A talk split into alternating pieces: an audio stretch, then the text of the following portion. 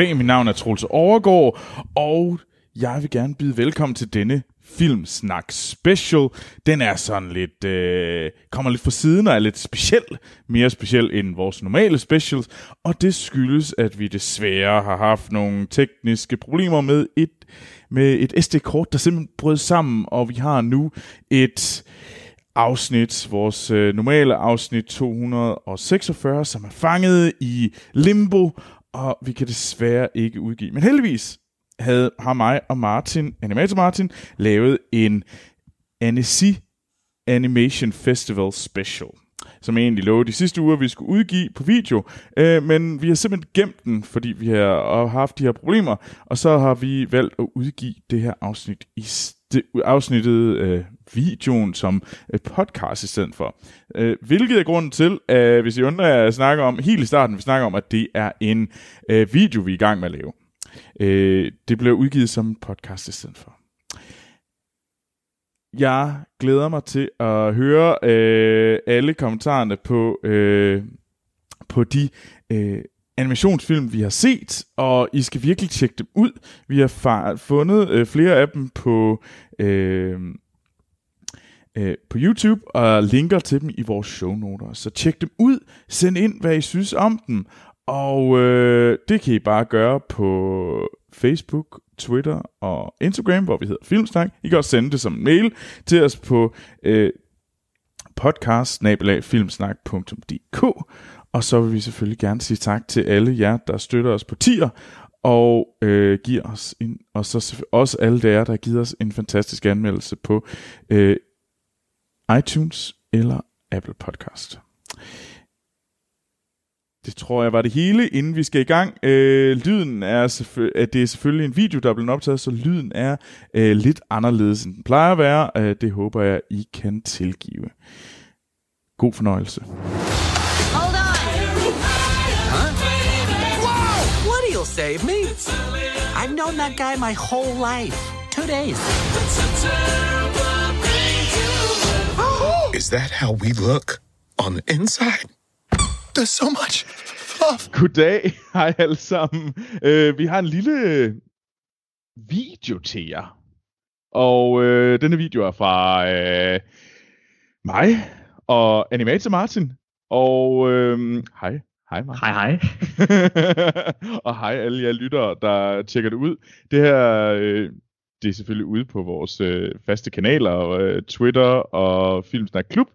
Uh, men den her lille video, den handler om vores øh, Martins tur til Annecy Filmfestivalen, og mig, der bare var i Annecy, fordi der bor jeg, og Dilton dukkede op en gang imellem til filmfestivalen. du kom og sagde hej, og du fik en øl, og så snakkede vi lidt. Ja, det var, det var så basically det. Og så, men vi har jo set nogle film på den. Det har vi, det har vi i hvert fald, Troels. Og det tænkte vi, det kunne da egentlig være lidt fedt, bare lige at, at snakke om det. Nu har vi været med til en, øh, en filmfestival, så det skal vi sgu da snakke om.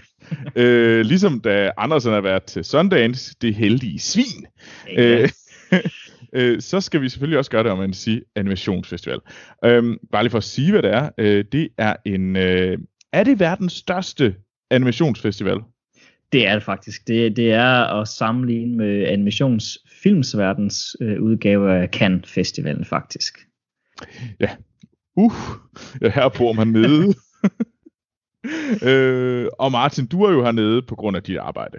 Ja, det er rigtigt, ja. Det er rigtigt. Det var, det var mit arbejde. Desværre ikke filmsnak, der betaler for vores entré. Ej, det, det, det så, så, så, så skal der virkelig til at, så, så skal der, så, wow, det vil være vildt. Det, det, vil, jeg, det, det vil være fantastisk.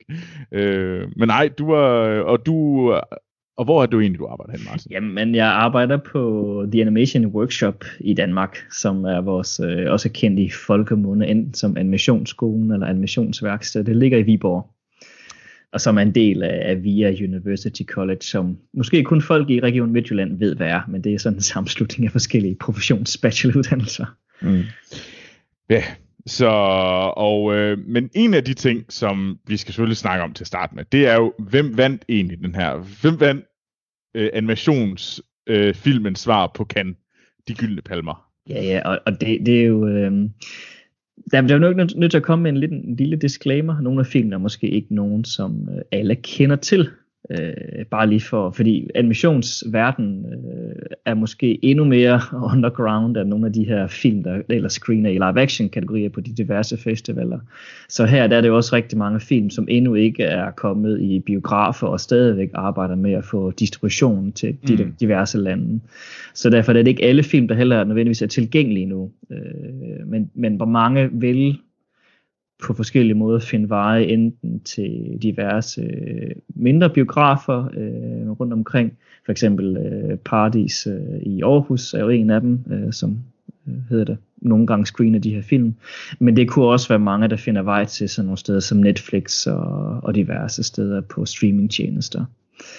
Øh, men, men for at, at hurtigt lige løbe igennem nogle af dem, der vandt, så, øh, så det, de, det de giver, det er sådan en, en prisen, den, den store film til featurefilm, den hedder Kristal-prisen. Åh, oh, Kristal! Uh. den, den, er, den er givet... På en eller anden meget fesen fransk at sige, oh yes, uh, oh, Kristal, det er Ja, det er det er jo guld. Så er det guld. Ja. Ej. Godt, Torte, du bor i Frankrig. Ja, jeg bor i Frankrig. Flot.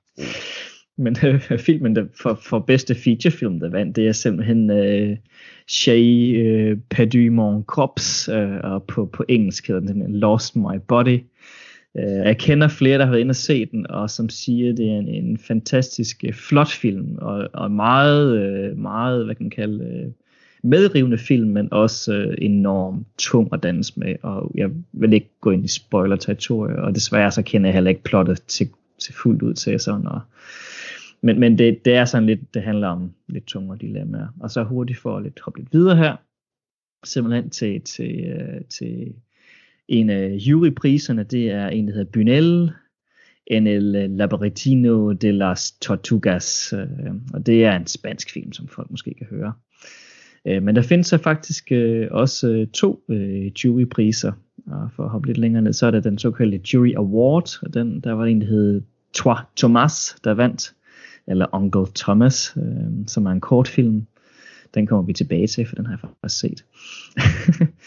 og så øh, en, en anden, øh, hvad hedder det, større pris, der også er blevet givet, øh, som er, er sådan en, hvad kan man kalde det, også den her kristal, men til kortfilm, det er blevet givet til en, der hedder Memorable, som også er en fransk kortfilm. Så igen, folk kan måske høre, at der er rigtig mange film hernede, der har franske titler, fordi de er franske eller belgiske osv. De er enormt glade for at være selvsmagende og give priser til sig selv. Ja, øh. sådan er det jo bare. Og det kommer vi ikke udenom, at Frankrig er et enormt stort animationsproduktionsland. Øh, øh, og, og derfor har de selvfølgelig enormt mange film med i de her kategorier. Mm. En, Men det, øh, den der I, I Lost My Body, den har ja. jo, den kørte jo også på Cannes, og fik ja. fantastiske anmeldelser på Cannes. Og øh, en bekendt, øh, som var inde og se den, han var sagde, at det var uden tvivl den bedste film, ja. øh, der var. Øh, han, han var rosten meget, meget, meget. Ja. Den skulle jo være helt og fantastisk. Det, det er også, hvad jeg hører fra folk, at det er en af de her. Mm. Og det er sådan en af dem, som man formentlig nok godt kan forvente finder vej til, til de her mindre biografer. Om den jo ligefrem begynder at blive vist i de større, vi har i Danmark. Øh, det tvivler jeg på, for medmindre de selvfølgelig lander en god distributionsaftale, men, men det er bare nogle gange ikke altid det er så lige til med de her feature animationsfilm heller at gøre, selvom de vinder diverse priser. Ja. De har lidt andre odds imod sig i forhold til live action filmene. Det er nok mere over i noget ala øh, øh, hvis den bliver Oscar nomineret, som den nok ja. også har en chance for at blive, øh, men det er nok der, vi skal over i, i retning af. Det vil øhm, det helt klart være. Øh, det vil det helt klart være. Og det... Øh, men der var jo også, det skal jo så siges, der var også danskere med i opløbet. Ja, men det er nogen, du vil... Øh, Jamen altså, jeg, jeg, var bare lidt, jeg, jeg var bare lidt øh, imponeret over, at Ternet Ninja... Ja, det er jo så som featurefilm, for ja, eksempel. Ja, som featurefilm, med, den var med. Ja, og vi har jo faktisk også, øh, altså en af grundene til, at vi også var dernede for animationsskolens side, at vi også faktisk havde, havde et par film med. Vi havde en med, der hed uh, Thomas Has a Plan, som er en graduation, gradueringsfilm fra animationsskolen. Og så har vi også en uh, med hernede, der hedder uh, Deepness of the Fry, som også er en gradueringsfilm. Øhm, så det er jo egentlig derfor, vi, vi, vi for eksempel også selvfølgelig er præsenteret til festivalen, fordi vi har afgangsfilm på skolen, som er præsenteret i konkurrencen for kortfilm. Øh, det er så en subkategori for studenterkortfilm, dem her, hvor diverse animations- og filmskoler verden rundt selvfølgelig indsender deres film. Kan man, øh, kan man se dem? Det, det, øh, de burde, hvis ikke de snart er der, så burde de ligge på øh, animations, uh, The Animation Workshops øh, uh, YouTube-kanal uh, og eller Vimeo-kanal. Uh, der er nogle gange, at, at vi selvfølgelig kan risikere, at nogen der bliver taget ned igen, fordi de lige pludselig, for eksempel ved NSI, ved at blive screenet her, får mulighed for at blive screenet på en anden animationsfestival, men som derimod forlanger, at de ikke er tilgængelige online, mens de er, bliver screenet hernede. det synes jeg er sådan lidt fæsent. Nej, nej, nej, nej. I, og, I må kun ja, hernede. Og der er simpelthen nogle, nogle, nogle kringlede regler for, hvordan sådan nogle festivaler de kører. Og det er også derfor, at du nogle gange netop kan finde de her film, og så lige pludselig kan du ikke, og så dukker de op igen. Og, og det, det er sådan lidt. Men lige nu, der burde de ligge tilgængelige online øh, alle sammen. Okay. Og hvis ikke, så kommer de der i hvert fald i den nærmeste fremtid. Men øh, hvis de ligger online, Martin, skal vi ikke så sige, så smider vi det med ud sammen med øh, vores lille video. Så smider Lad vi links ind. Det gør vi i hvert fald. Det gør vi i hvert fald. Så hvis de findes. Så nu, nu har vi gjort vores arbejde, så godt vi kan. Øh, så. Men ved du, skal vi ikke tale om nogle af de film, vi har set? Øh, fordi vi har jo set nogle film. Øh, jeg, var, jeg havde ikke adgang til selve sådan... Øh, øh, de specialvisningerne af konkurrencefilmene. Til gengæld kørte der rigtig mange film nede, som sådan noget open air, hvor man kunne se en masse af de her film. Så jeg har også øh, været art øh, hernede. Men Martin, starter du ikke? Hvad, har du, hvad, hvad så du? Jamen, så vil jeg starte med en af dem, der nu vandt en pris, den her Jury Award, som er den her, der hedder Trois Thomas, som er en, øh, eller Onkel Thomas, som den så hedder på, på engelsk, eller Onkel Thomas. Øhm, og det er en, øh, en, hvad hedder det, en, en 2D-animeret kortfilm, som er lavet i Canada, Frankrig og, og Portugal. Øhm, og instruktøren hedder Regina Pessoir. Ja, Pessoir. Nu skal jeg passe på, hvordan jeg udtaler det. Mit fransk er ikke så godt. oh, Madame Pessoir. så du, uden at fornærme nogen. det tror jeg er for sent.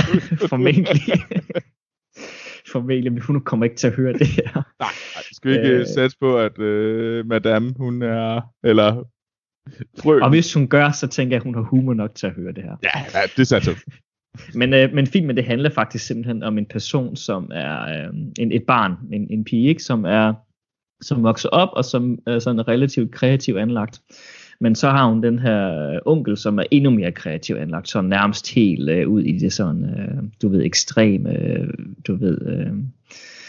Og så øh, han, øh, hvad kan man sige, han, han, han er god onkel for hende i den forstand, at han, han ligesom, hvad kan man sige, er med til at, hvad kan man sige, øh, øh, hvad kan man sige, øh, altså, han er po- po- ja, positivt indstillet over for, at hun er kreativ. Så når hun kommer mm. hen til ham, så får de lov til at tegne, eller de laver andre skøre ting. For eksempel har han en motorcykel, så de kommer ud og kører på den her. Og så nogle ting og sager, som hun måske på sin vis ikke vil komme til med sine forældre. Og det viser sig også, at hendes forældre måske er sådan nogen, som lidt har et, kan man kalde det, mere anstrengt forhold til hinanden, så de ofte tit skændes, og så når det sker, så flygter hun simpelthen over til sin onkel, men der er simpelthen en skyggeside af den her onkel, som faktisk er, er hvad kan man kalde det, øh, hvad kan man sige, han, han har måske, hvad man moderne sprog vil kalde, en, en psykisk lidelse øh, simpelthen, og nok også en depression. Så han, og han har måske sådan lidt arti, autistiske træk i den forstand. Han er også samtidig øh, med at være god kreativ, så har han en anden side, øh, som han er enormt glad for at tale, men på sådan en måde, han faktisk begynder at gå helt i selvsving over tal. For eksempel så er der nogle, nogle scener, hvor han skal ringe et telefonnummer op. Og så bliver han, han går sådan helt i selvsving over de her tal, der er i telefonnummer, og så begynder han at skrive dem ned, og så kan han ikke stoppe igen, når han først starter. Mm. Og så lige så stille, så, så hans hjerne, den eksploderer bare i diverse komplekse, mærkelige regnestykker, som han nu kan lave med de her tal, og så kan han ikke hive sig selv ud af den. Og det viser sig faktisk så, at den her historie, som bliver fortalt gennem pigens øjne, det er sådan set et, en form for, kan man kalde tilbageblik på den tid, hun havde med onklen. Så hun er ikke et barn længere. Og den her onkel viser sig så faktisk jo øh, og på et tidspunkt at begå selvmord, og det er sådan set det, historien slutter med, at han jo havde nogle problemer, og det var der ikke rigtig nogen, der, for, der var ikke nogen, der forstod ham, men hun føler selvfølgelig, at hun havde en vis form for, for, for mm. forbindelse til ham, ikke? Og jo selvfølgelig ham her onklen, som hun, hun faktisk havde en rigtig hyggelig, øh, hvad kan man sige, minder med. Øhm, og hun prøver sådan lidt at finde ud af, hvad det var for et liv, han havde, og hvad han var for en. Fordi mange så ham jo som en særling, men han havde jo faktisk mm. også på et tidspunkt en kæreste eller en forlovet. Men igen, fordi han var sådan måske lidt autistisk og, og led også af depression, så, så var det jo ikke noget, der blev til mere, end han ligesom blev til sådan en eneboer. Øhm, så det er sådan set, det er faktisk historien, og nu er selvfølgelig måske spoilet den lidt, men, men, men for at sige, det er faktisk en enormt rørende historie, øh, og en enormt mm. rørende film, men den er enormt simpel lavet, altså den er sort-hvid, øh, stort set, og tegnet ligner sådan blyantstegninger. tegninger. Øh, jeg vil sige, det, det er en ret rørende film, øh, om, sådan relativt artistisk, kan man sige, i sit udtryk, ikke? altså sådan ekspressionistisk, men øh, som vi måske ikke altid er dem, vi snakker om her i Filmsnak, hvor vi tit måske snakker om dem, som Pixar har lavet, når det ikke kommer til kortfilm. øh, ja, yeah. Det så. kommer vi sgu nok ikke udenom, at vi... Men så er det godt, at vi har det her, hvor vi virkelig været ude. Og, fordi jeg, jeg kaster ind med en ny kortfilm. øh, og det er øh, kortfilmen øh, World of Tomorrow, som er fra 2014. Øh, så øh, det var en, øh, øh, som jeg så hernede. Øh, og øh, den er lavet af Don Hertzfeldt. Øh, og det er super, det er en, det er en sci-fi kort, animeret kortfilm, hvor at du følger øh, den her lille pige, som øh, møder sit, sit fremtidige jeg, og det er en kloningshistorie om, hvordan at hvis du bliver ved med at klone dig selv, altså hvordan sådan fremtiden, øh, og hvordan det at leve evigt, eller næsten evigt, også har sine, sine omkostninger. Øh, den var, den kom sådan lidt som overraskelse. Jeg synes, det var, altså det, det var meget som en animeret øh, kortfilmsudgave af et øh, Black Mirror afsnit. øhm, men, øh, og, men, men, og, og ja, jeg skal lige til at spørge, var det nemlig det? Ja, det føltes sådan lidt sådan i den stil. Men altså, streg, det var sådan helt, helt barnlige stregtegninger. Altså sådan helt... Øh, altså pigens hoved var en rund sort cirkel, og så cirkelinekjolen nede under, og, og altså som ben, og hvor du kun kan se de der sorte streger som fingre, som, som man ville lave dem. Og sådan var egentlig alle alle karaktererne var sådan nogle, sådan nogle barnlige stregkarakterer, sådan nogle ja. nærmest lavet på papir, i sådan nogle meget flashy farver, sådan helt øh, grafisk øh, og, og, og lagt ovenpå. Så det var ja. sådan meget, meget grafisk, og det understøttede egentlig det her sådan øh, futuristiske, men samtidig også, øh, jamen, den havde den her øh, et godt Black Mirror afsnit tristesse over en fremtid, der måske egentlig ikke er så lys, og noget, en, en, en fantastisk teknologi, der, på, der warper din, øh, dine forventninger og dine ønsker, og til sidst så er det nok ikke det, du egentlig ønskede. øh, så, så hvis man tænker, at de der tre Black Mirror-afsnit, der nu kom, ved jeg har lyst til noget, der var lidt mere trist end det, vi så, fordi det var jo generelt kun bare happy-go-lucky Black Mirror den her gang, næsten. Der var lidt, der måske ikke var helt. Men så se World of Tomorrow, det synes jeg faktisk ja. var en, øh, en, det var en positiv overraskelse. Øh, jeg kommer lige om lidt efter dig, Martin. Det kommer til noget, der var knap så positivt. så. det, det, det er godt at høre. Nu, nu, nu synes jeg bare, det er sjovt at høre, at, at det var den her stregtegning, næsten tændstik-agtige figur. For det er faktisk en af hans mest kendte kortfilm, er det samme. No. Øh, som hedder Billy's Balloon, som er øh, egentlig ved at være en lidt en ældre film fra 98, som er en, han lavede, men som stadigvæk var studerende. Men den blev ret anerkendt faktisk rundt, om, rundt omkring. Og, hvad mm. hedder det, den var også øh, med i, øh, i competition, hvad hedder det, til Cannes, og, og vandt faktisk, øh, hvad hedder the, the Grand Jury Award ved, uh, not Sundance, men uh, Slam Dance Film Festival. Slam Dance. boom, boom. øhm, men, men, men som var en af dem her, og, og for at bare lige hurtigt fortælle, hvad den handler om. Den handler faktisk om en dreng, der har en rød ballon, hvor han hele tiden bliver angrebet af sin røde ballon. Og så vil jeg ikke sige mere. Men folk skal tage og finde den på nettet, fordi den, den, den plejer gerne at være at finde på YouTube øh, eller lignende. Skal vi ikke, øh, Martin, skal vi ikke love, at vi, hvis vi kan finde de her filmer, vi vil ikke love, at vi kan finde dem. Hvis vi kan finde dem på YouTube eller Vimeo, så skal vi nok prøve at gå lidt på jagt for jer og se, om vi kan finde linksene, og så kan I se dem selv. Lige præcis. Øh, og, og en anden ting for at sige det, det er, at han faktisk han, han blev mere og mere anerkendt, så han har også lavet nogle øh, kort øh, sekvenser til MTV, og har faktisk også instrueret og animeret på et Simpsons-afsnit. Ah. Jamen, øh, jamen fedt. Jamen, øh, Don, Don Herzfeld. Herzfeld. jeg, jeg, jeg mener, han er tysk, så han hedder Herzfeld. det er han så overhovedet ikke. Han er fra Fremont, California. Nej, så... han er ret meget amerikaner, så vidt jeg husker. han er total amerikaner øhm, nej, men Martin, hvad har du set? Jamen, øh, jeg tror, jeg kommer der i forkøbet måske om, øh, det er jo noget, der var godt, men det er jo meget trist at se.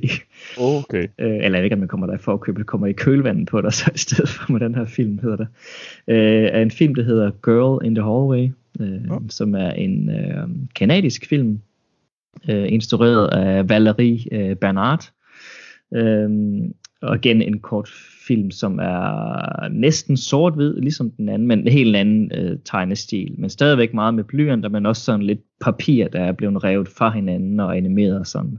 Så det er sådan lidt en sjov blanding af stilarter. Øh, så det er sådan lidt, hvad kan man kalde det, en blanding af ikke hvad kan man kalde det, stop motion, men, men stadigvæk, og så, så tegninger også oven i hinanden. Men det er en relativt sørgelig film, så det er ikke en, man skal se, hvis man har nogle jeg vil sige, mange forældre måske følte det som en meget tung film at se. Øh, men uden så ah. på alt for meget spoiler-territorie, så er det også øh, desværre lidt en form for dokumentar, i, i og med at den baserer sig faktisk på virkelige hændelser. Ah, okay. Om, omkring øh, nogle, øh, hvad kan man kende, nogle sager i USA, øh, hvor der er nogle børn, der bliver kidnappet. Ah. Og desværre bliver de fundet døde øh, bagefter, de er blevet kidnappet.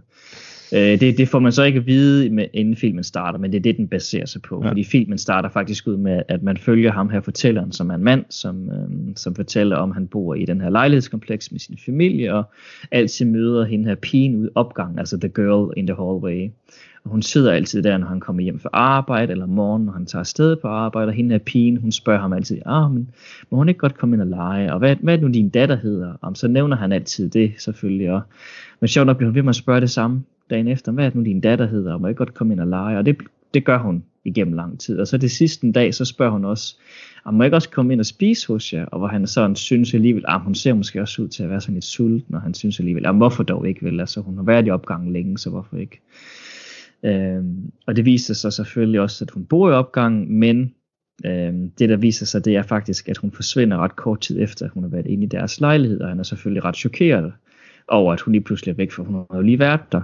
Mm. Og politiet kommer, og jeg tror faktisk også FBI og så videre kommer faktisk for at undersøge det her nærmere. Øh, hvad der er, der foregår. Øh, omkring. Kan de få alt det her ned i en kortfilm? Det, det kan de godt. Den er 10 minutter, og den er faktisk skrevet lidt mere eller en form for et, et, kan man kalde jeg vil kalde det en sang, men så måske mere et digt, men som har en rytme øh, på en eller anden måde. Og den ender så ud i, at det bliver til en sang til allersidst, når rulleteksterne kommer.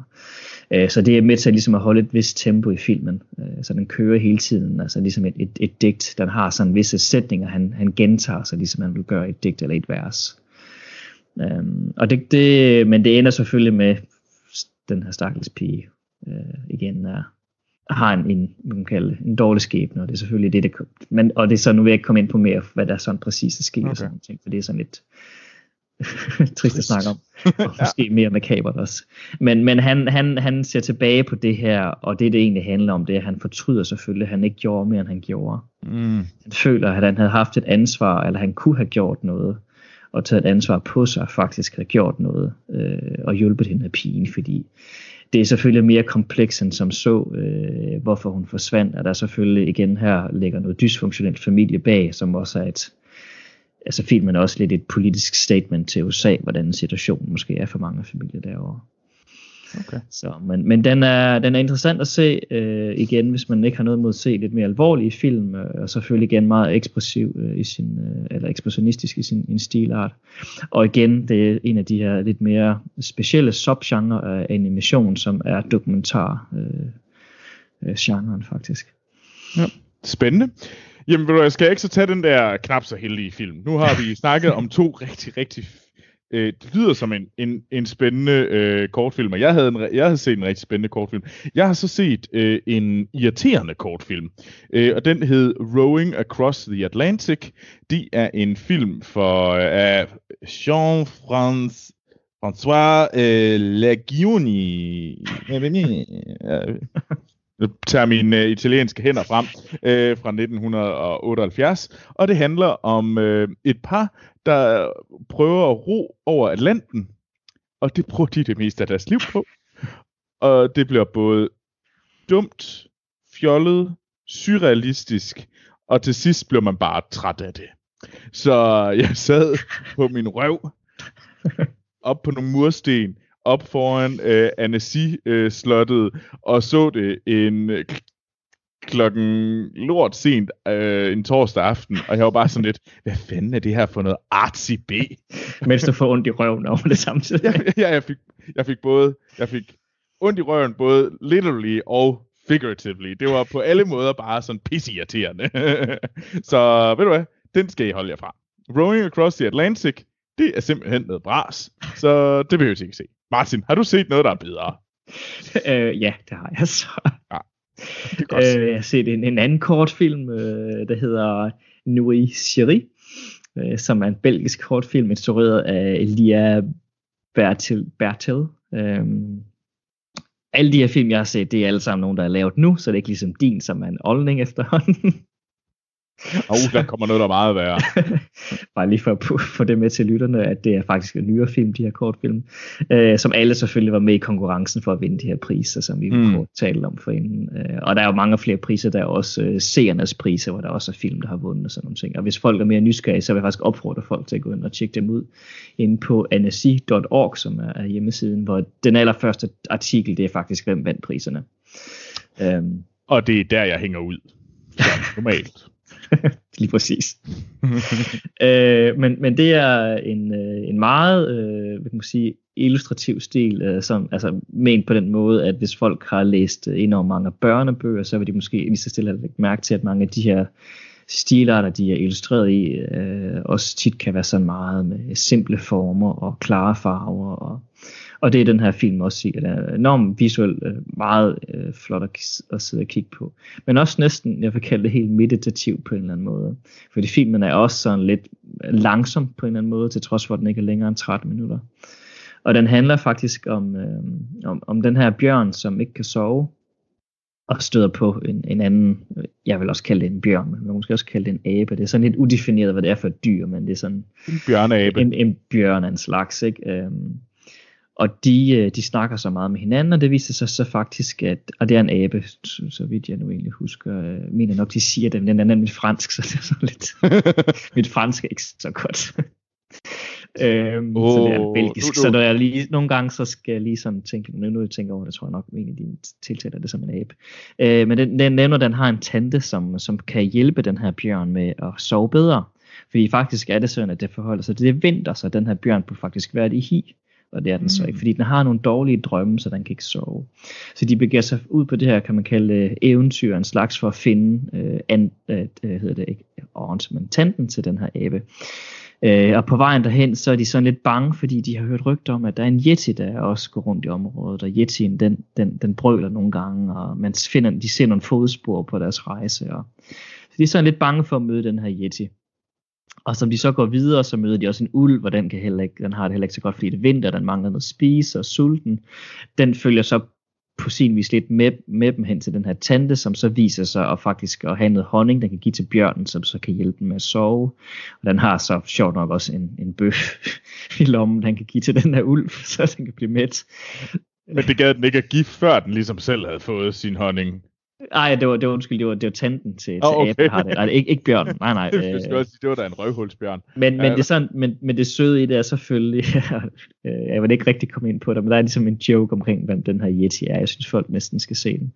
Øh, filmen for at finde ud af det. Men det er sådan en meget, måden den bliver fortalt på, er sådan meget, øh, kan man kalde det, øh, mindfulness-agtig næsten på den måde. Sådan meget langsom og visuelt også langsom, og også lydende, og de her stemmer er også sådan meget, øh, de, de tager sin tid til at udtale ordene. Øhm, og så er der også det her musik, som er sådan lidt, hvad man kalder det, Øh, også relativt meditativ på en eller anden måde. Hører meget sådan langsom musik nogle gange. Hvis jeg menes rigtigt, sådan lidt elektronisk, men så også en gang imellem, så er der sådan lidt, mener sådan en, en, en harmonika øh, lyd.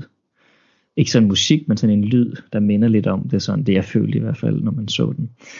Øh, så ja, men, men jeg vil ikke spoil, hvad der sådan sker til sidst. Men det er en enormt sød og smuk film faktisk, øh, som, som anbefalesværdig, hvis man ikke noget mod at se noget, som igen heller ikke er det typiske, vi ser fra Disney og Pixar i kortfilm, men sådan lidt mere... Jeg har på fornemmelse, der er intet af det her, der er typisk. Overhovedet ikke, ja, men, og det skal man ikke forvente til de her animationsfestivaler, der viser man hovedsageligt ikke de her ting så meget, øh, fordi det her det er også simpelthen... Øh, Disney deltager, og Pixar har deltaget i stor stil i festivalen, men men de er her lige så meget for at støtte op omkring, at der er alle de her andre folk, der laver animationsfilm. Deres eget, det, det fylder bemærkelsesværdigt relativt lidt til betragtning af, hvor store de er som studier på sådan en ja. festival her. Altså, vi kommer ind på Pixar. Det gør vi jo. Det gør til, vi. til sidst. Og det skal jo siges, at vi ihærdigt forsøgt, eller du ihærdigt forsøgt på mine vegne, at få os med til uh, Disney Barbecue'en. Uh, men ja. uh, men uh, der, Martin, Øh, det lykkedes ikke, men til gengæld fik Nej. du os øh, med til Sony Animation Studio øh, vindrikning. Det kunne jeg godt lide. Så det var jo det. hyggeligt. Det var jo hyggeligt. Det var hyggeligt. Det var hyggeligt at snakke med Netflix-folk. Det var, selvom jeg overhovedet ikke kendte dem, og jeg bare sagde hej. Hallo. men, øh, men nej. Men du, jeg havde jo, øh, jeg lovet, at øh, jeg havde set, øh, jeg har set noget mere, og jeg har set noget rigtig gammelt. Ja. Øh, jeg har set en, kort, en animeret kortfilm for 1918. Øh, okay, det og er det, en ældre sag. Ja, og det er faktisk, øh, jeg har set en dokumentar. Øh, det for at nævne Anders. Jeg har set en dokum- dokumentarisk animeret kortfilm af Winsor McKay øh, 1918, og den øh, omhandler, øh, synk, den hedder The Sinking of øh, Lusitania, og den er en øh, videregivning af, hvad der skete med, øh, hvad hedder det, det her store øh, dammskib, øh, der blev øh, synket, sunket af, hvad hedder Sank. det? Sank. Den blev, den, tyskerne under 1. verdenskrig øh, sank den. øh, jeg kan overhovedet ikke sige det ord. Øh, øh, og så det handler egentlig, det, det, det er ret fed film, for den blander også, øh, hvad hedder det, altså den har også ikke øh, animerede dele, sådan mhm. noget stumfilm. Øhm, så den var faktisk, øh, det var lidt spændende, fordi den var så, men det var også sådan sygt meget propaganda. Ja, og fuldstændig. Ja, nu har jeg aldrig set hele øh, filmen, men jeg har set dele af den, og det er faktisk en, der bliver refereret enormt meget til øh, i animationsbranchen, når det kommer til animerede dokumentarer, fordi det er jo den, vel den første af sin slags, kan man sige. Ja. Ikke? Øh, men også på den måde meget øh, speciel, fordi den er nemlig også meget propaganda, som du selv siger. Mm. Ja, og det var, det var tydeligvis, det er en, øh, altså det, det er, den kommer, jeg tror den var britisk eller amerikansk, den handlede meget om at se, hvor dumme tyskerne var. De var nogle mm. svin, som øh, bare slog en masse mennesker ihjel, øh, som de overhovedet ikke havde nødvendigt at slå ihjel. Øh, det, det, det tror jeg som muligvis er korrekt. Øh, men, øh, men nej, jeg synes, det var, det var interessant, fordi den er så gammel. Altså, ja. Det er jo det, der gør den interessant. Så. Nå, Martin. Har altså, du... skal jeg lige hurtigt nævne et par mere ting, jeg har set hernede? Ja, kom med, kom med et par Fordi vi, vi, udover vi jo så havde Talent Ninja med i konkurrencen som, uh, som featurefilm, mm. um, og vi for eksempel havde studenterkortfilm også med så har vi også haft andre danske film med. Fedt. Hvor vi har haft uh, Vitello, som folk måske kender fra DR, eller DR Ramachan, um, ja. som er den her 2D uh, øh, animerede tv-filmserie. Uh, der havde vi faktisk Vitello, den hedder Vitello for en klam kæreste som var med, instrueret af Dorte øh, Bengtsson. Øh, ja. Og den var så med i konkurrencen for tv-film øh, hernede på, på NSC. Øh, og nu, nu øh, det sjove ved alle de her film, det er, at de bliver jo oftest vist på deres lokalt producerede sprog, så vi tæller bliver vist på dansk. Men mm. det var enormt fedt at sidde og se, øh, at publikum, som så kun har undertekster på den, på engelsk godt nok her i den her screening, og nogen på fransk, men den her var det på engelsk, jeg faktisk at grine af den, selvom det faktisk er en serie, som jeg synes har enormt meget dansk humor og nogle gange så meget dansk humor, at det heller ikke nødvendigvis alle danskere, der måske finder den sjov, fordi det er sådan lidt specielt. Øh... Det er så dansk, at det er for dansk. Ja, men også, også fordi det er lidt, øh, og det, nu, nu kan jeg selvfølgelig passe på at ramme nogle af vores lytter op over i storbyen øh, København, men det er måske også en, en humor, der nogle gange til tider øh, passer bedre til, hvordan københavnerne ser på tingene. Øh, men det er en enormt øh, sjov serie, som jeg også selv ser med min søn faktisk. Jeg synes, det, der, der, er nogle, der er nogle humoristiske ting omkring, hvordan ham har Vitello som en lille dreng, hvordan han ser på verden øh, fra hans vinkel, og hvad han ligesom går igennem. Øh. Mm. Men en anden i samme øh, kategori øh, og screening øh, session, der var så den her anden øh, kortfilm, der hedder Sorg, som det er faktisk ikke en tv-serie, øh, det er faktisk en enkeltstående, hvad kan man kalde det, kortfilm. Mm. Øh, eller TV special, som der også øh, som man kalder det i industrien, og som er 3D-animeret øh, og instrueret af en øh, Max Lang og en øh, Daniel Snadon, som øh, den er fra England, og godt og vel en halv time lang. Og den handler om den her drage, der går på dragskole, som bare virkelig gerne vil øh, være klassens bedste drage. Den er enormt sød og nuttet, og der er selvfølgelig masser af andre små søde nuttede drager øh, og den vil så gerne vinde den her pris for at være den bedste til, til, til de fag, de nu bliver undervist i. Så de skal lære at flyve, de skal lære at spy ild, og alle sådan nogle ting og sager. Øh, og den har nogle gange mere held end andre gange i de her forskellige ting. Øh, men den vokser lige så stille op, og så øh, en af de sådan, hvad man siger, den, den sidste prøvelse, den skal igennem, det er faktisk, at de skal fange en prinsesse. En levende prinsesse. det er også en, øh, jeg må sige, det, det er et godt, øh, det er en god eksamen. Øh, Fuldstændig. det er meget efter bogen men, øh, men den dragen, uden at spoil for meget, har så faktisk, øh, hvad kan man kalde visse fordele, som jeg ikke vil komme ind på, hvad det er i det her, den her del. Så det, det går måske lidt bedre for den, end med de andre ting. Øh, og det, så, øh, jeg kan ikke lige huske, om der lægger stemme til selve dragen nu, men, men der er så en, en ridder med her i også, som, som man møder på et tidspunkt, som øh, faktisk øh, ingen ringer end øh, Kit Harrington, der lægger stemme til ridderen, øh, som som vi måske lidt kender som Jon Snow fra, hvad hedder det, ja. Game of Thrones. Som ja, har... Jeg kender ham personligt godt. Nu har jeg ja. selvfølgelig også øh, kraver og drager. Så. Du har set ham enormt meget, så du kender ham personligt. Meget, ja. Ja. Du skyper ja, også med ham en gang imellem. Selvfølgelig skyper jeg med Kit Harington. Øh, lige pt. rigtig meget fra hans øh, sådan celeb afvendingsklinik. Han er lidt nord for New York. Øh, det, det, det er jo i hvert fald det, man hører. Ja, ja. Så, men nej, han lægger stemme til, til den her ridder, man møder filmen. Men jeg synes, den er rigtig sød at se, og, og det, den er ikke længere end det er sådan en, man faktisk også kan sidde og se med mindre børn, at uh, uden deres tålmodighed forsvinder væk. Som jeg synes kan være prøves med de her featurefilm nogle gange at se stadigvæk. Ja. Der er, der er min søn nok ikke gammel nok endnu til at se dem. nej. Martin, inden du tager, jeg ved, du har noget Netflix til os. Ja, det har jeg, det er rigtigt. Jamen, øh, inden du tager noget Netflix, skal jeg ikke lige så tage den, der nok er min yndlingskortfilm, jeg har set hernede? Jo, gør endelig det. Øh, og det var øh, kortfilmen Old Man and the Sea af Alexander øh, Petrov øh, fra 1999. Ja. Øh, og det er en, øh, en kort en genfortælling af Hemingways øh, The Old Man and the Sea. Mm-hmm. Øh, og den handler, øh, historien handler om den her øh, øh, ældre kubanske fisker, som øh, tager ud for at øh, han skal ud og fange fisk. Og så øh, fanger, så får han en stor marlin, øh, den der med, med den lange næse, øh, der flyder, der er helt vildt hurtigt. Den fanger han, og så er det så kampen mellem øh, den her marlin og den her øh, gamle fisker. Øh, og det er så egentlig det, der er fortællingen. Og den er så lavet... Øh, det, der er så lidt vildt med det, det er, at det er, det er oliemalerier. Den er lavet med oliemaling, den her kortfilm.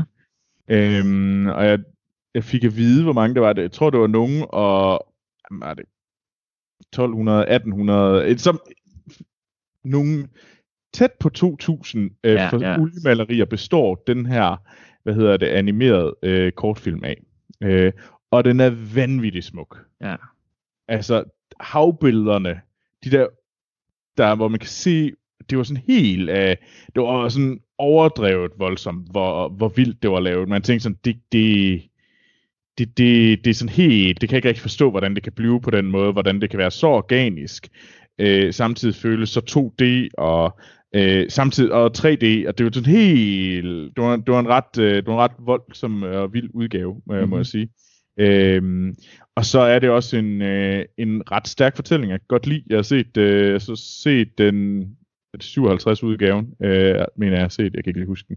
Øh, øh, sort-hvid udgaven af, af filmen, og den er også, øh, så den, hvis jeg kan finde den, det tror jeg vist godt, jeg kan, så skal man virkelig se den. Det er min klareste anbefaling.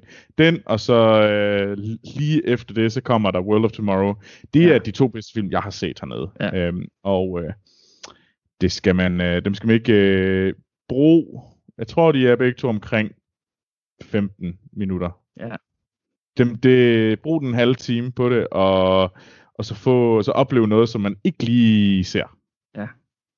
Altså det gode ved alle de film, vi nu nævner, det er jo faktisk, at det er korte film, så det er ja. sådan nogle, der er nemt at lige at passe ind og se, og det synes jeg faktisk er, det er noget, vi måske nogle gange glemmer, at vi faktisk har en kæmpe, hvad kan man sige, ja. øh, kan vi kalde kategori af film, som er de her kortfilm, det gælder også live action film, øh, mm. og det er faktisk, mange af dem er faktisk ret meget stærkere, end vi nogle gange ser featurefilm være. Fordi mm. folk har skulle være lidt mere økonomiske omkring deres historie, de fortæller. Så, så ja. Jamen, jeg er også ret imponeret over, hvor, hvor, hvor meget de kan proppe ind i sådan en kortfilm. Mm. Altså, fordi det er, sådan, det er altså ikke... Altså, det er... De for, jeg har ikke læst Old Man and Sea, men de er, altså, det er hele arken, de har med for Old Man and Sea. Ja. Øh, så de, de er virkelig økonomiske med det, de bruger, og den tid, de har. Øh, og virkelig pakker, øh, pakker så meget punch mm-hmm, ind mm-hmm. i hvert, øh, hver frame og hver minut. Øh, ja, ja. Så, øh, og det kan også blive lidt overvældende, øh, skal så siges. Det kan godt blive sådan lidt, åh, åh, åh, jeg, jeg er nærmest lidt træt efter at have set det her, de her 10 minutter, 10-20 minutters øh, film. Ja, så ja. Men ja, men øh, den skal man se. Og Helt det var fedt. Øh, og der, det var, jeg så den lige efter min øh, uheldige oplevelse med øh, uh, Rowing Across the Atlantic, hvor jeg virkelig havde hvor jeg var træt og havde ondt i røven, og så tænkte jeg, nu skal jeg til at se en, en russisk oliemalet udgave af en Hemingway-bog. Nu er jeg virkelig ved at, jeg var også ved at blive så lidt knotten, og så var det bare, så forsvandt. Jeg havde ikke ondt i røven længere. Nej, det var, det var godt, Troels. Ja. Selvom du sad på gamle franske borg, øh, mursten, Sige, midt i NSC. Nå, Martin. Ja, har du noget øh, Netflix til os? Jamen det har jeg, og når du nu siger Netflix, så er det jo fordi, jeg var inde og se sådan en, en, en VIP uh, pre, hvad kan man kalde det, reveal screening uh, af nogle af de kommende ting for, for Netflix, når det kommer til animation. Hmm. Og øh, her, da Netflix er jo virkelig på krigsstien selvfølgelig, fordi de er ved at forberede til, at Disney de kommer med deres. Og det synes jeg, det er værd sådan en, en lille detalje, jeg sådan har, øh, opsnuset ved at snakke med Netflix-folk og folk, der har med Netflix at gøre. Øh, det er jo, at Netflix er jo også lidt konstrueret anderledes end Disney, når det kommer til de her produktioner. Vi ser dem smide ud ja. lige nu. Vi ser i stor stil alle mulige ting, de laver af deres egne produktioner. Deres forretningsmodel er nemlig meget anderledes end Disney, hvor Disney de har et andet hvad kan man kalde det, behov for, at det de laver nu, det skal også have en umiddelbar konstant, eller hedder det, content, mener øh, mm. øh, hvad kan man kalde øh, indtjening med det samme, at det er udgivet hvor Netflix så faktisk har en anden forretningsmodel, som hedder, at øh, de har det fint med at investere i en film, eller tv-serie, eller hvad det nu måtte være. Øh, nu og her, den må gerne være hjertens tyr, eller Hollywood budget dyr, øh, men den behøver ikke at tjene sig selv ind. Øh, ja. Og den behøver ikke at tjene sig selv ind før efter flere år. Og, det, eller, og den behøver ikke engang at tjene penge nu. Det kan godt være, at den først starter med at tjene den første øre øh, om, om nogle år. Og det er simpelthen fordi deres forretningsmodel er anderledes. Fordi de ser deres øh, investering i film og deres opbygning af deres filmbibliotek som en langtidsinvestering. Så de har det der med, og det er sådan selvfølgelig måske som diskuterer, om det er sådan, det forholder sig, men deres filosofi er, at rigtig mange, der sidder og ser Netflix, de, øh, så har de måske set en, en film eller serie, de godt kunne lide, men så ser de måske også øh, fremadrettet, ikke så meget som Netflix er konstrueret lige nu, men som det så forhåbentlig bliver i fremtiden, når man tilgår deres interface, det er, at man så nemmere kommer til at kan sidde og lige så bare browse rundt i deres indhold, og så mm. falder man tilfældigvis over den her film eller tv-serie, så man så tænker, jeg vil gerne prøve at se et afsnit af den her. Og så lige så stille på den måde øh, fanger man folk, og så på den måde skaber de noget, kan man kalde traction blandt øh, seerne, og på den måde begynder at tjene sig selv ind via seertal. Um, så derfor der ser man også Netflix lige nu eksperimentere helt vildt meget, både når det kommer til live action film, men også animationsfilm, som der er rigtig mange i branchen, er selvfølgelig enormt glade for, fordi de, de skaber rum og plads for rigtig mange up and coming øh, filmfolk og animationsfolk, uh, øh, som vi ikke ser Disney være villige til at gøre det samme. Øh, men så til den her screening, der er nemlig faktisk to øh, ret nye, øh, hvad kan man kalde det, up-and-coming øh, instruktører, eller creators, som de så kalder det ved Netflix. Øh, hvor den ene, den sådan lidt mere kendt, har, der har været noget rundt omkring på de, de diverse filmpressesider, øh, om den nye tv-serie, der hedder Mama K's Team 4, som er den første animerede tv-serie lavet i Afrika. Nå. Ja, øh, så det er enormt stort, også fordi det ligesom er kulturelt stort og forretningsmæssigt stort for Afrika, at den bliver lavet dernede. Den bliver lavet af en, hun hedder Malenga Mulindema. Nu udtaler jeg det helt sikkert ikke korrekt. øh, men jeg synes, det lød, øh, det lød bedre, end hvad jeg ville have prøvet, fordi jeg, jeg myrder godt nok alt, der hedder spanske, franske og italienske efternavn. Det er, dem, dem tager ud bag ved at nakkeskyder, fordi det er bare helt uduligt. Øh. Men, øh, men det handler simpelthen som en gruppe af superhelte piger i, nede i, i Sydafrika, som øh, hvad kan man sige, skal kæmpe mod superskurke og får selvfølgelig også hjælp, og de får hjælp fra hende her, der hedder Mama K, altså øh, mor K, øh, mm. sagt på dansk, ikke, som hjælper hende. Det er ligesom hendes team. Så forestil jer Ninja Turtles, som har Splinter, altså rotten, som ligesom træner de her Turtles op. Ikke? Så det er lidt det samme her. Men ser enormt flot ud. Øh, de viste desværre ikke noget for den her, for selve tv-serien, så langt var det ikke i produktion, men de viste rigtig meget af konceptdesign til, og det så enormt smukt og flot ud. Baseret på en sydafrikansk illustrators arbejde. Øh, men så er der også en anden up-and-coming uh, instruktør, eller igen creator, som hedder Elisabeth Aito, uh, som er sådan uh, amerikansk, asiatisk. Øh, øh, og hun er ved at lave den her øh, tv-serie, der hedder City of Ghosts, som er til, til mindre børn, som handler om, øh, lyder det måske lidt mærkeligt, men handler om hende her pigen, som kan se spøgelser, og så snakker med spøgelser, og så går rundt i, øh, mm. til dels vist på San Francisco, men også Los Angeles, og så, hvad kan man sige, har, der sker forskellige begivenheder med hende, ikke? Øh, og nogle af vores øh, lyttere vil måske have set øh, Gumball, øh, tv-serien lavet af Cartoon Network. Så det har lidt en stilart, der ligner det rigtig meget, hvor man har fotograferet baggrund, men med animerede karakterer ovenpå. Okay. Så en anden en, øh, som skabte enormt meget øh, hedder det, applaus og øh, huen blandt publikum, var en øh, ny øh, tv-serie, der hedder Dino Girl Gauku, som er japansk, lavet af Hitoshi øh, Mugi. Øh, Øh, og folk vil måske ikke nødvendigvis lige vide, hvem han er, men øh, de har måske alligevel set øh, Shin Chan på, jeg tror blandt andet på DR har vist ham en gang som sådan en lille dreng. Øh, meget ekstrem, øh, karikeret øh, tegnefilmstil, øh, men har været enormt populær også selv herhjemme i Danmark for, for et par år siden, eller måske ved at være nogle år siden. Øh, men han er simpelthen ved at lave en ny øh, tv-serie til, øh, til Netflix, øh, omkring hende er pigen, som kan blive til en dinosaur, når hun bliver sur. Og så kan hun spy ild og smadre bygninger og huse og alt muligt mærkeligt. Meget japansk. Øh, og så, det lyder meget japansk, og jeg har overhovedet ikke hørt om det. sikkert ikke. Men den er til synligheden enormt populær blandt øh, folk i branchen, og sikkert også publikum, tænker jeg, ud i verden. Øh, og så den næste, der er de også ved at lave deres nye øh, feature-animerede film øh, med Netflix, som bliver instrueret af Chris Pern, som vi jo stødt ind i tilfældigvis ved Sony Pictures ja, total, øh, cocktail-reception. Øh, jeg vidste overhovedet ikke, hvem han var. Han var enormt flink. han var enormt sådan, øh, han, han virkede som, som han, han virkede som om, at han var en, øh, han, han var en star, der overhovedet ikke havde lyst til at være i centrum. Nej, og det, det har han heller ikke, så vidt jeg ved af. Så jeg, jeg kender ham jo heller ikke, men jeg, jeg ved godt, hvem han er. Øh, og, og, og fordi han, han er gode venner med en af mine kollegaer faktisk øh, på USA.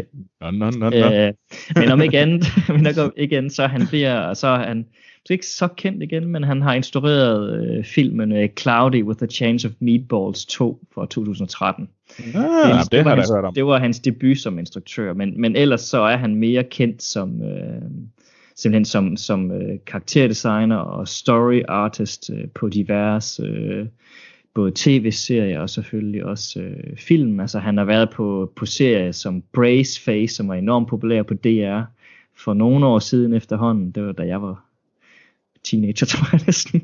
Brace øh, face. Brace face omkring uh, hende pigen, som har bøjle på, som altid skaber hende selv problemer. Nå, ja.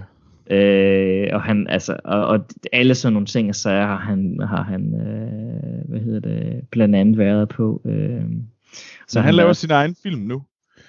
Det gør han, øh, det gør han, og den hedder The Willowbees, øh, som handler om en lettere ekscentrisk familie, hvis vi kan kalde det det, forældrene er i hvert fald enormt ekscentriske, er måske lidt for forelskede hinanden til, at de faktisk egentlig ikke tager sig så meget af deres tre børn.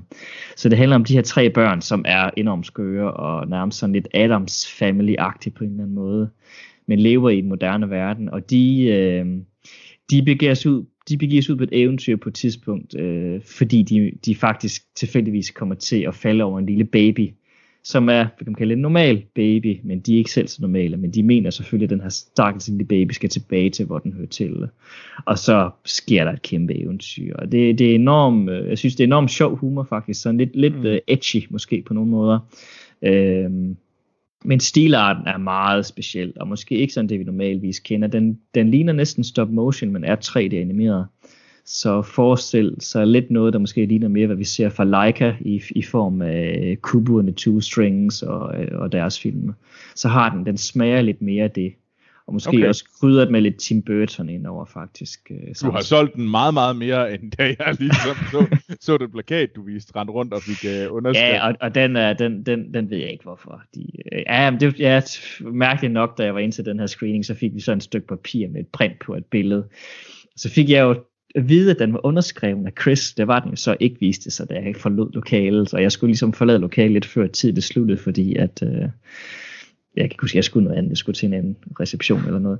Øh, men om ikke andet, så da vi støttede ham der, så var han jo flink nok at give at underskrive den her tegning alligevel. Ja, jeg synes, han gjorde mere end det. Han lavede en tegning på den. Ja, han tegnede det, på den. Det, det, er så normalt, at man gør det i animationsbranchen. Man, oh. man underskriver ved at lave en tegning. Kæft, det er smart ass. Ej, hvor er det smart ass. Men jeg kan så sige, at, øh, hvad hedder det, jeg sidder lige på IMDb og tjekker den ud. Øh, der er, jamen altså, det er da, Øh, men så du det hele af den, eller var det bare sådan? Nej, nej, nej, nej. og det okay. var ikke nogen af de her ting, vi fik lov til at se det hele af, øh, desværre. Det var jo, det var jo sådan en, kan man kalde det, en appetizer, hvis man vil kalde det. Mm. Vi så, vi så diverse øh, færdige scener, og vi så også scener, der ikke var færdige nu, øh, som var på det, vi kalder animatic-stadiet. Øh, ah, okay. øh, hvor det alt sammen, det ligner forfærdelige 3D-grafik, som vi måske kender det tilbage fra 90'erne, og det på ingen måde er, er færdigt lavet endnu. Og vi så også øh, visse scener, hvor det bare var tegninger, altså 2D-tegninger. Men, men, så det, men, men du, du glæder dig til, at den kommer på Netflix? Det gør jeg faktisk, og, og mest af alt for det første, fordi det er sådan, der, der de har lavet andre øh, featurefilm, men som ikke nogen de selv har produceret mm. på samme måde som det er nogen, de har købt. Det her det er en, de har, de har hyret et studie, der hedder Bronze Studios i Canada til at stå for produktionen. Så det er den første featurefilm, hvor de faktisk direkte går ud og har hyret et andet studie til at lave det for Netflix. De andre, det er nogle film, som var blevet færdigproduceret af studier, som de så har købt op. Altså, de har købt mm. studier, men de har købt selve rettighederne til filmen. Okay. Øhm, og det er lidt ligesom det, vi ser lige nu. Der er en anden stor produktion, der er ved at blive lavet ved Spar Studios øh, i Spanien, som hedder Klaus. Øh, som handler om øh, ham her, øh, postmanden, som, som ender øh, med at, at, at komme, hvad kan man kalde det, blive udstationeret, hvad man kalder det, i en lille landsby oppe i bjergene. Øh, jeg tror faktisk, du har vist mig en kortfilm af den, eller en, øh, en video af den.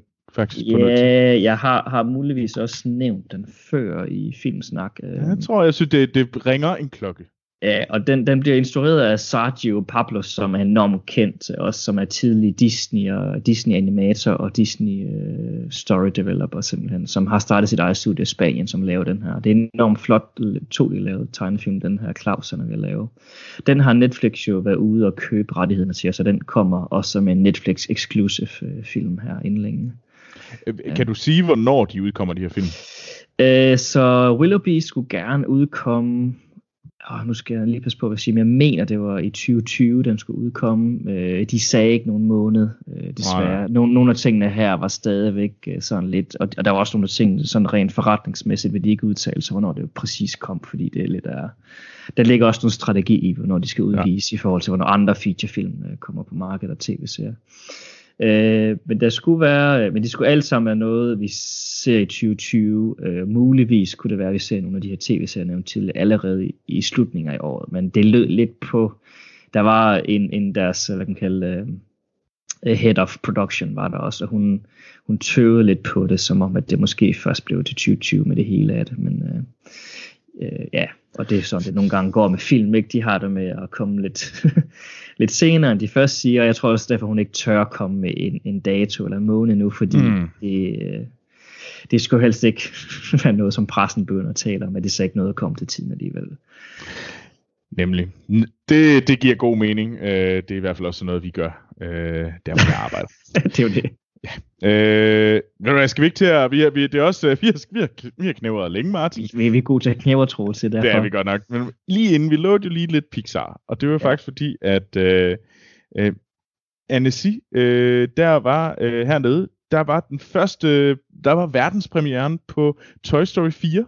Det er korrekt, ja. Den var hernede, og øh, den var, kan jeg så sige, 100% umulig at få billetter til. Altså, det var den også selv for mig. Altså, det var, øh, det var sådan en film. Der var ikke nogen, der kunne komme ind og se den. Jeg ved ikke, hvordan folk har kommet ind og se den, men der er nogen, der har fået billetter selvfølgelig, og de har formået at ja. biografsalen op, så ja, det, det, det var meget uh, attraktiv screening, tror jeg, at komme ind og se.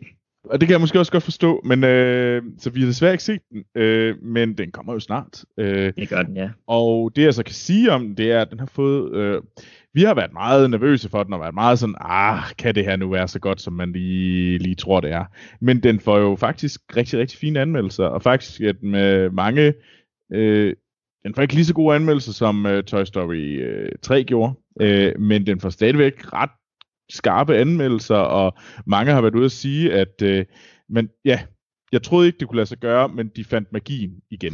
Og det er det, jeg synes er så interessant at høre, fordi det er jo faktisk lidt lovende for Pixar alligevel, at de har magien stadigvæk, synes ja. jeg.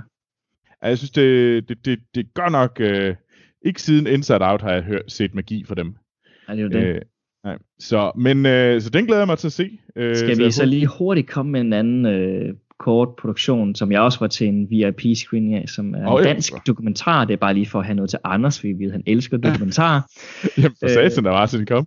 og det er jo øh, ret, øh, det er sådan lidt en subgenre dokumentar, at man også har animeret dokumentar. En af dem, som måske er mest kendt, er den, der hedder Walls with Bashir, som kom ud for godt og vel 10 år siden snart, som handler oh, ja, om krig nede i øh, Balkanområdet. Øh, men den her Flee, som, som kommer ud, øh, FLEE, øh, er dansk dokumentar, animeret dokumentar, øh, lavet og instrueret af Jonas øh, Rasmussen, øh, og bliver lavet af samarbejder mellem øh, Final Cut for Real, og så også øh, Sun Creature Studios. Øh, Sun Creature er også mest kendt for et Kickstarter-projekt, der hedder The Reward, eller Tales of Ath Athlethrion, jeg kan ikke udtale det rigtigt, og så også en Cartoon Network tv-serie, der hedder Ivan Doe. Øh, men de laver den her animerede dokumentar om en, som flygter fra Afghanistan helt tilbage i 80'erne, og så om hans flugt og, hvad kan man kalde det, og liv i Danmark og sådan nogle ting. Så det baseret selvfølgelig på hans, øh, hans fortælling. Øh, og enormt flot og, og, og, og vellavet. Øh, vi så igen selvfølgelig ikke det hele, det er jo klart, at den er heller ikke helt færdig nu Øh, og skulle også gerne udkomme her i, i 2020, øh, gerne i foråret, øh, i hvert fald det de fortalte. men, øh, men enormt flot, og jeg synes, den er enormt, øh, den er meget vigtig at nævne, synes jeg igen, fordi den er dansk produceret, men også fordi det faktisk er en af de her animerede dokumentarer, som har enormt stort potentiale også til at vinde rigtig mange priser.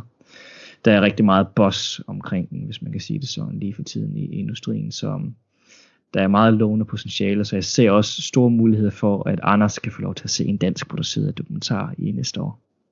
Vil du, jamen skal vi ikke slutte med det? Anders, Anders, der er en film til dig i 2020. Lige præcis. Hvor er det heldigt. øh, Martin, tusind tak, fordi vi, du gad at deltage i denne lille, lille, det blev det så ikke, øh, denne video til øh, Den vores her special. Det, ja, til Filmsnak Klubfolket derude. Øhm, tusind tak til alle vores lyttere. I er fantastiske. Vi er så glade for, at I gider være med på Filmsnak Klub. Øh, følg os på Facebook, Twitter, Instagram øh, og alle de andre steder. Og jer, der støtter os på tier.dk, I er det er jer, der gør, at øh, vi kan lave sådan nogle ting, som vi gør lige nu. Øh, hvis I vil have mere, så støtter os på tier.dk med en tier på afsnit.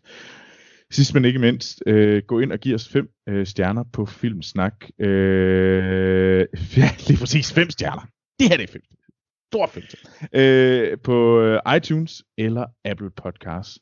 Øh, jeg kan findes på, hvis I vil snakke med mig, så kan I gøre det på Twitter og, hvad hedder det, Letterboxd, og der hedder Troels Overgaard. Martin, Jamen, jeg kan findes på Twitter som Holm Gravy, og så kan jeg findes på Letterbox som Animator Martin, hvor jeg nok desværre lige for tiden ikke er så god til at opdatere min Letterbox. det er okay, det er okay. Du er bedre end Hans.